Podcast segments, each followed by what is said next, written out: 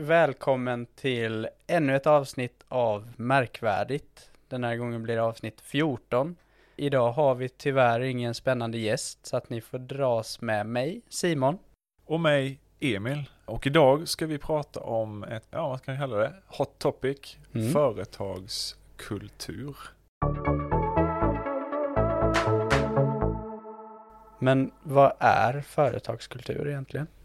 En företagskultur, det är ju precis som det låter, det är en kultur. Det är ju inte någonting som står skrivet på väggarna eller som, som står skrivet i ett dokument, utan Nej. det är hur man faktiskt beter sig. Något slags långsiktigt framarbetat underförstått beteende bland Mm. alla från ledning till anställda i företaget. Ja men precis, ett, ett beteendemönster liksom. Det är så många företag som säger oh vi har en så bra företagskultur, oh kolla här liksom. I verkligheten så kanske de har någonting som står på en, en powerpoint som faktiskt kanske inte riktigt stämmer överens med verkligheten.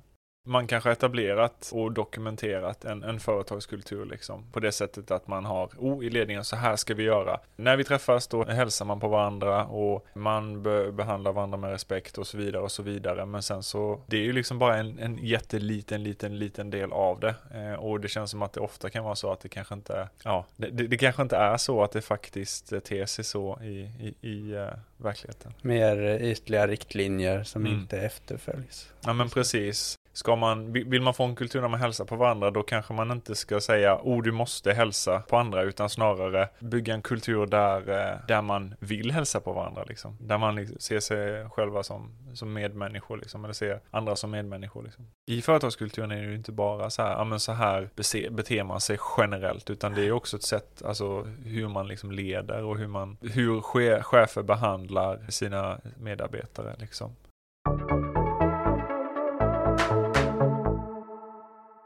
Jag tror många tycker det är lite luddigt med företagskultur. Lite lullull så här. Oh, vi- men herregud, vi ska ju gå till jobbet och här ska vi jobba och utföra liksom ett resultat. Eh, göra cheferna och ledningen nöjda och sen så går vi hem liksom. Jag vill inte Mm. hålla på med någon jäkla företagskultur liksom. Men jag, jag förstår ju vad de menar då liksom. Att, att det kanske, oh det här är lite mjukt och abstrakt så det är lite svårt att, att greppa liksom. Ja, och det är nog eh, företagskultur i sin bästa form när Mm. man inte riktigt kan greppa det. Man har inte riktigt det som du säger att det är inte en powerpoint eller en lista med punkter att här säger vi hej och Mm. eh, si och så utan det är ett så pass mycket mer inarbetat system så att man knappt vet vad det är som händer. Varför ska man lägga energi på företagskulturen då? Oj, oj, oj. Stor fråga. Vi behöver ju inte gå in på allt. Det finns ju massvis med bra anledningar till varför man ska jobba med, med företagskultur. Men eh, om vi ska ta några punkter så eh, har vi ju till exempel medarbetarnas trivsel och rent krasst och ekonomiskt så anknyter ju detta till sjukdagar också. Eh, mår man bättre på arbetsplatsen så tar man mindre sjukdagar, så är det bara liksom. Ja, visst är det så. Precis, älskar du ditt jobb eh, och älskar liksom hela den sociala miljön på kontoret och hur man blir behandlad av sina, sina medarbetare liksom, så d- då är det inte lika lätt liksom att eh, ta sjukdagar. Jag tänker också man känner en, så här, en plikt, liksom, man blir mer plikttrogen, inte bara till företaget utan man vill inte lämna sina kollegor i, i sticket när det gäller liksom. Nej, visst är det så. I en god eh, företagskultur så hör ju det mycket till ledarskapet också. Att det ger ett tydligare ledarskap och i sin tur en mer effektiv arbetsplats kan man säga. Ett mer effektivt företag eller organisation i helhet. Även där ska man kolla rent krasst så är det en mer effektiv verksamhet ger ju ett bättre resultat på, på sikt. Ja men precis, precis. Sen har vi det här eh, att vara attraktiv utåt. Företagskultur, det anknyter ju väldigt starkt till employer branding. Hur man ser ut utåt och hur, hur man som arbetsgivare uttrycker sin företagskultur för att attrahera eh, nya medarbetare. Jag menar, får du inte in nya medarbetare så kommer det till slut inte finnas några som jobbar på företaget. Det ser vi ju om inte annat idag när det är, det är arbetssökandes arbetsmarknad, speciellt inom IT. Det är ju inte svårt att hitta jobb liksom, om man säger så. Nej. Och då är det ju jätteviktigt som företag att man visar sin företagskultur utåt och ja men alltså egentligen så här, jag menar du vill inte köpa grisen i säcken.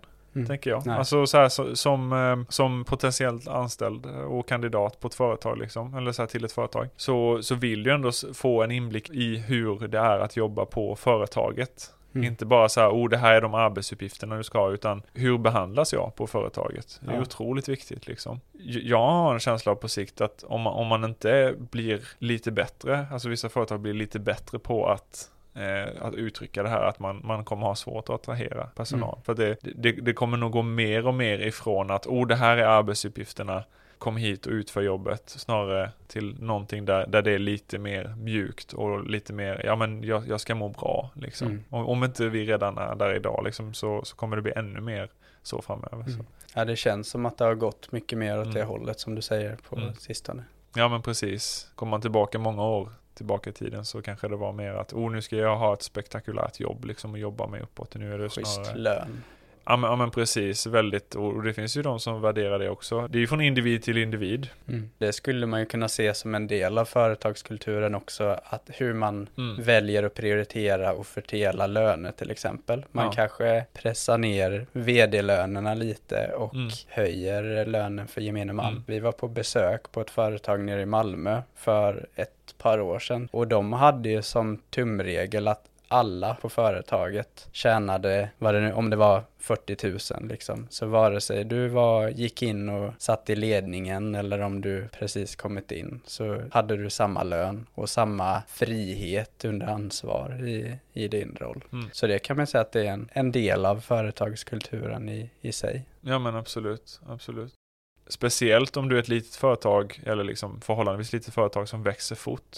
Mm. Så kan ju företagskulturen förändras med varje person du lägger till. Eh, och det blir helt plötsligt väldigt komplext. Eh, och hur mm. viktigt det är med onboarding för att personen ska förstå. Men också när man rekryterar nya personer att de är rätt person för företaget. Är du ett mindre företag som inte är lika välkänt, då, då får du jobba på dina styrkor och en styrka kanske är att du har en, en stark företagskultur där man tar hand om varandra och, och då är det någonting som man borde lyfta för att sticka ut bland alla andra företag. Mm. Men för att knyta ihop säcken här, man kan väl säga att företagskulturen är ju A och O för ett välmående företag och sen mm. när man blandar in employer branding så är det lika viktigt som det är att ha en god företagskultur för att behålla de anställda man har så är employer branding för att kommunicera företagskulturen utåt och attrahera nya medarbetare. Om man skulle vilja arbeta för att förbättra sin företagskultur, hur beter man sig då? Det finns ju förstås, alltså det, är en väldigt komplex fråga, eh, men en av dem är ju att eh, just ifrån ledarskap och chefskapet att man, man gör detta med empati. Jag skulle vilja säga både empati och transparens. Att man är öppen mot sina, sina anställda liksom och sina ja, men medarbetare slash medmänniskor. Eh, det handlar ju inte bara om så här, oh, nu ska du till jobbet och göra ett resultat liksom, utan man är människor och det är viktigt att man håller ögonen och öronen öppna och lyssnar. Ja, och en del av det där empati i att se att alla individer är olika. Det är viktigt att ha med sig om man tänker sig att nu ska vi sätta oss och köra en lista för att bygga en bra företagskultur. Det kanske är en god tanke, någonting ja. i grunden, men att man måste kunna vara lite anpassningsbar och se till att alla, alla tänker olika och alla tänker inte som mig i det här. Ja, och sen, sen ligger så det här med att skapa en miljö där man faktiskt känner sig bekväm med och, och dela med sig. För annars går man ju i det tysta liksom och, och inte mår bra exempelvis. Eller inte vill dela med sig av, eh, ja men det, det, kan ju vara idéer och så också, att man inte känner att man vågar riktigt för man kommer bli dömd liksom. Sen är det lättare sagt än gjort att, att skapa en miljö där man, ja, där man väljer liksom empati och, och öppenhet. Men jag, jag, tänker att om man nu ser det ur, liksom där vi började, ur ledaren och chefen liksom, att det mm. faktiskt är, eh, är viktigt att man leder med exempel bokstavligen liksom. Att man, att man vågar öppna upp sig lite och vågar vara sårbar liksom.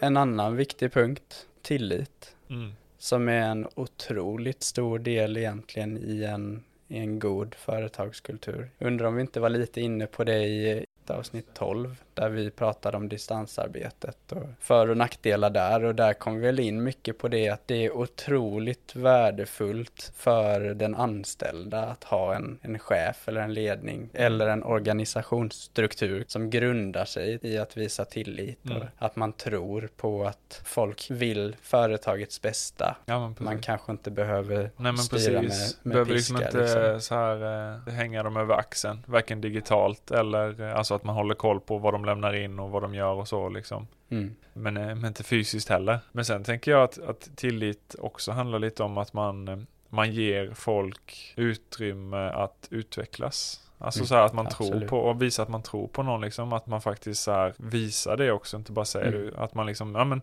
fasen vi har det nya projektet. Jag vill att du ska ha hand om det liksom. Alltså att man, Mm. att man ger någon utrymme. Eller så här, oh, jag tycker du ska gå den här utbildningen liksom. Att det är också en viss eh, tillit. Att man kände sig, man känner verkligen att man har gjort ett, ett, ett bra jobb på det sättet liksom. För att man får utrymme att, att utvecklas. Men någonting som du nämnde tidigare, det är ju onboardingen. Nu eh, knyter jag också an till vårt eh, tolfte avsnitt eh, här men i den digitala eran som vi lever i nu. Jag menar alla företag har ju det nya normala, och, eller de, många har det i alla fall och, och jobbar en del hemifrån. Så är ju onboardingprocessen när man får nya anställda otroligt viktig. Och eh, som jag sa, det har ju inte bara med att att de ska må bra och så, liksom, även ifall det är otroligt viktigt och kanske det primära. Men också för att man ska bibehålla sin företagskultur, att inte, att inte Mm. den liksom transformeras till någonting som man inte vill när man tar in nya personer i en grupp. Det är ju väldigt komplext. Du, du tillför en, en person i en grupp eh, så förändras ju gruppen. Så är det bara. Mm. Och då förändras ju företagskulturen med. Men vilket håll förändras den åt? Vill vi åt det hållet? Mm. Och det är ju egentligen det ultimata stället där du har en möjlighet till att introducera någon till den företagskulturen som ni har. Ett varmt välkomnande kan vara avgörande för hur den personen kommer bete sig i fortsättningen. Ska vi summera det vi har pratat om här nu så är det väl i stort sett det är vikten av tillit, det är vikten av empati och transparens. Men också då vad händer när man tar in ny personal? Mm. Och det är inte bara vad som händer med den nya personalen utan vad händer med den gamla personalen? Och det tycker jag man ska lägga mycket krut på.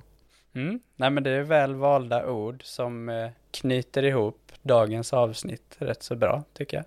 Ja, ja men tycker jag. Som vi sa förra gången sitter vi här och spekulerar. Det är inte någon lag utan vi Nej. tycker till och bollar tankar. Ja, vi har ju våra erfarenheter liksom och vad vi upplever och vad vi ser. Mm. Så vill ni slå oss på fingrarna precis som förra avsnittet så är det bara att höra av er via mail på markvarditpodd.gmail.com eller på våra sociala medier där vi heter Markvarditpodd. Och med det så eh, avslutar vi det här eh, avsnittet av Märkvärdigt.